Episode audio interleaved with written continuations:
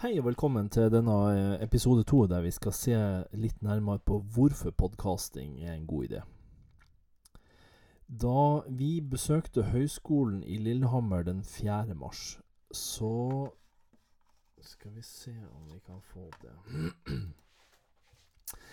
eh, Så nevnte Jan Johansen, eh, undervisningsleder for TV-fag, at han opplevde at HIL-studentene var gode på produksjon av innhold, men ikke var fullt så gode på digital distribusjon. Og han oppfatta nettopp at det var dere som var flinke til det. Og i løpet av dette arbeidet med podkasting, så skal vi forsøke å gjøre oss dette ryktet verdig. Vi skal forsøke å bekrefte at Jan hadde rett. Vi Rundt oss i dag så har vi en stor mengde digitale innholdstjenester. Godt utbygde, massevis. Noen er mer populære enn andre. YouTube er stort, sånn som vi ser her. Men det finnes også en hel haug med andre. Eh, så det skorter ikke på innholdet. eh, så det store spørsmålet oppi det hele, når vi har tjenester som YouTube, som er forholdsvis avanserte også i, i muligheter for å sette opp ulike distribusjonsformer, hvorfor trenger vi podkasting? Har podkasting eh, noe å gi oss i tillegg til de tjenestene som, sånn som Bimbi og YouTube? Det skal vi forsøke å se litt på i dagens podkast. Um, jeg skal prøve å beskrive abonnementsmekanismen mer generelt.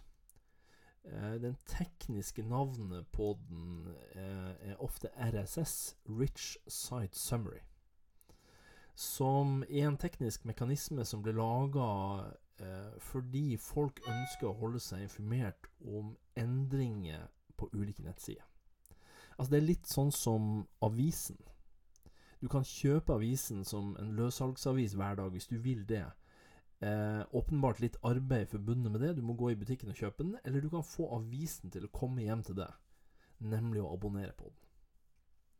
Og det er litt med nettsider og andre tjenester på nett, både i form av lyd og video og andre ting også.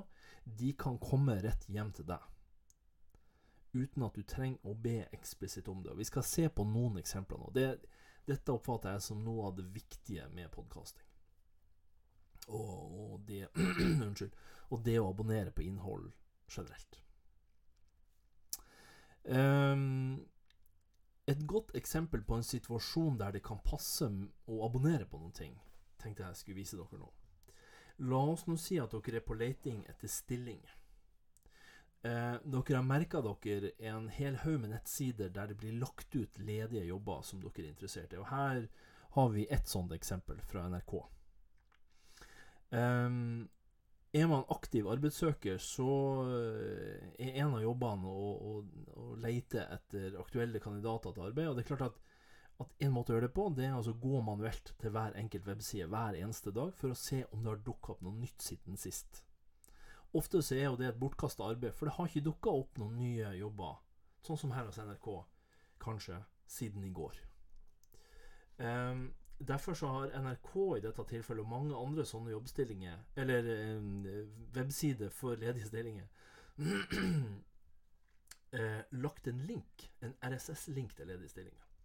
Og følgelig så går det an å abonnere på denne sida og få beskjed når den har endra seg.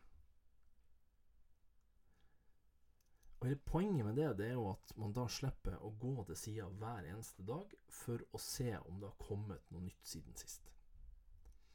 Det samme gjelder nyhetssider, sånn som her Hedmark Oppland. Har òg den samme funksjonaliteten. Går an å abonnere på sida. Her har jeg installert en plug-in i nettleseren min, Chrome som kan ta vare på sånne abonnementer og gi meg beskjed når det har dukka opp noe nytt. Og Her ser dere at jeg har abonnert på de siste nyhetene fra NRK Hedmark Oppland. Og har fått beskjed om at det er seks nye nyheter siden jeg abonnerte. Eller siden sist jeg leste.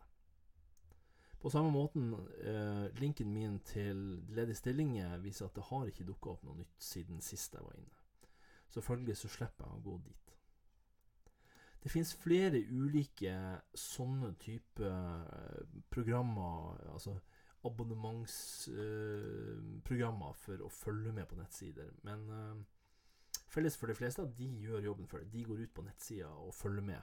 Har det skjedd noe nytt siden sist? Uh, dersom programvaren, RSS-programvaren Altså dette er en programvare som takler tekst. Men dersom programvaren din takler lyd og video, så går det an å gå til et nettsted sånn som dette og abonnere på såkalte feeds fra lyd- og videoprogrammer.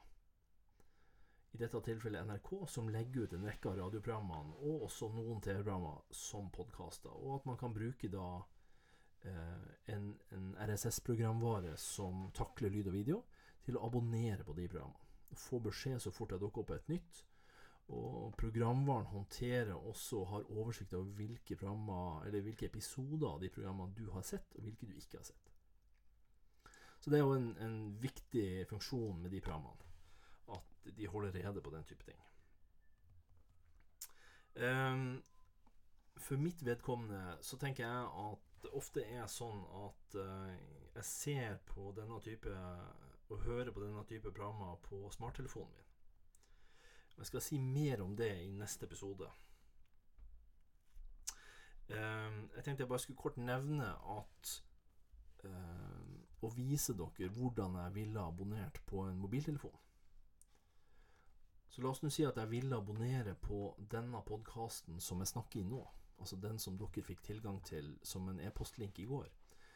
Ehm, hvis jeg drar inn nå Skal vi se Hvis jeg fjerner denne her avslutte GarageBand. Og så drar jeg opp en nettleser.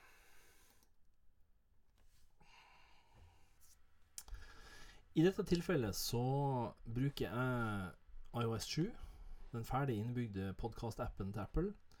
Eh, og for å få tilgang til podkasten og adressen til den som dere fikk i går, så går jeg inn i nettleseren lime inn adressen til den, trykke 'gå', og så spør den vil du åpne denne podkasten i programmet Podcaster. Ja, det vil jeg. Vil du abonnere på den? Ja, det vil jeg også. og det vi ser øverst her også, det er at nå får vi tilgang til den. Nå kan jeg gå inn og så kan jeg spille episode 1, og dere ser også grafikken øverst. Som ser til forveksling lik de andre ut. Så det er den måten jeg får tak i den type innhold på. Og her inne så ser dere flere andre podkastprogrammer som jeg abonnerer på. Um, og i det øyeblikket jeg går inn, så får jeg også beskjed om når jeg har usette eller uhørte um, episoder som jeg trenger å følge med. Og her har jeg åpenbart en hel haug. Så programmet passer på eh, podkastene mine, altså abonnementene mine, og, og, passer også på hvilke jeg har sett, og hvilke jeg ikke har sett. Hvis det er en videopodkast, og hvilke jeg har hørt og ikke hørt, hvis det er en lydpodkast. Sånn. Det var veldig kort, sånn som jeg forholder meg til lyd- og videopodkaster. Det er klart at smarttelefonen som dere nå ser her, den er veldig kjekk fordi at den er stort sett med hele tida. Og, og dermed så har jeg da automatisk nedlasta og vedlikeholdt automatisk alt som jeg abonnerer på av radio, og også noen fjernsynsprogrammer. Um, i den neste og tredje videoen så skal jeg se litt mer på hva som skal til for å lage en egen podkast. Skal vi gå gjennom noen verktøy for å få til det, eh, når vi stiller oss spørsmålet 'hvordan'? Takk for nå.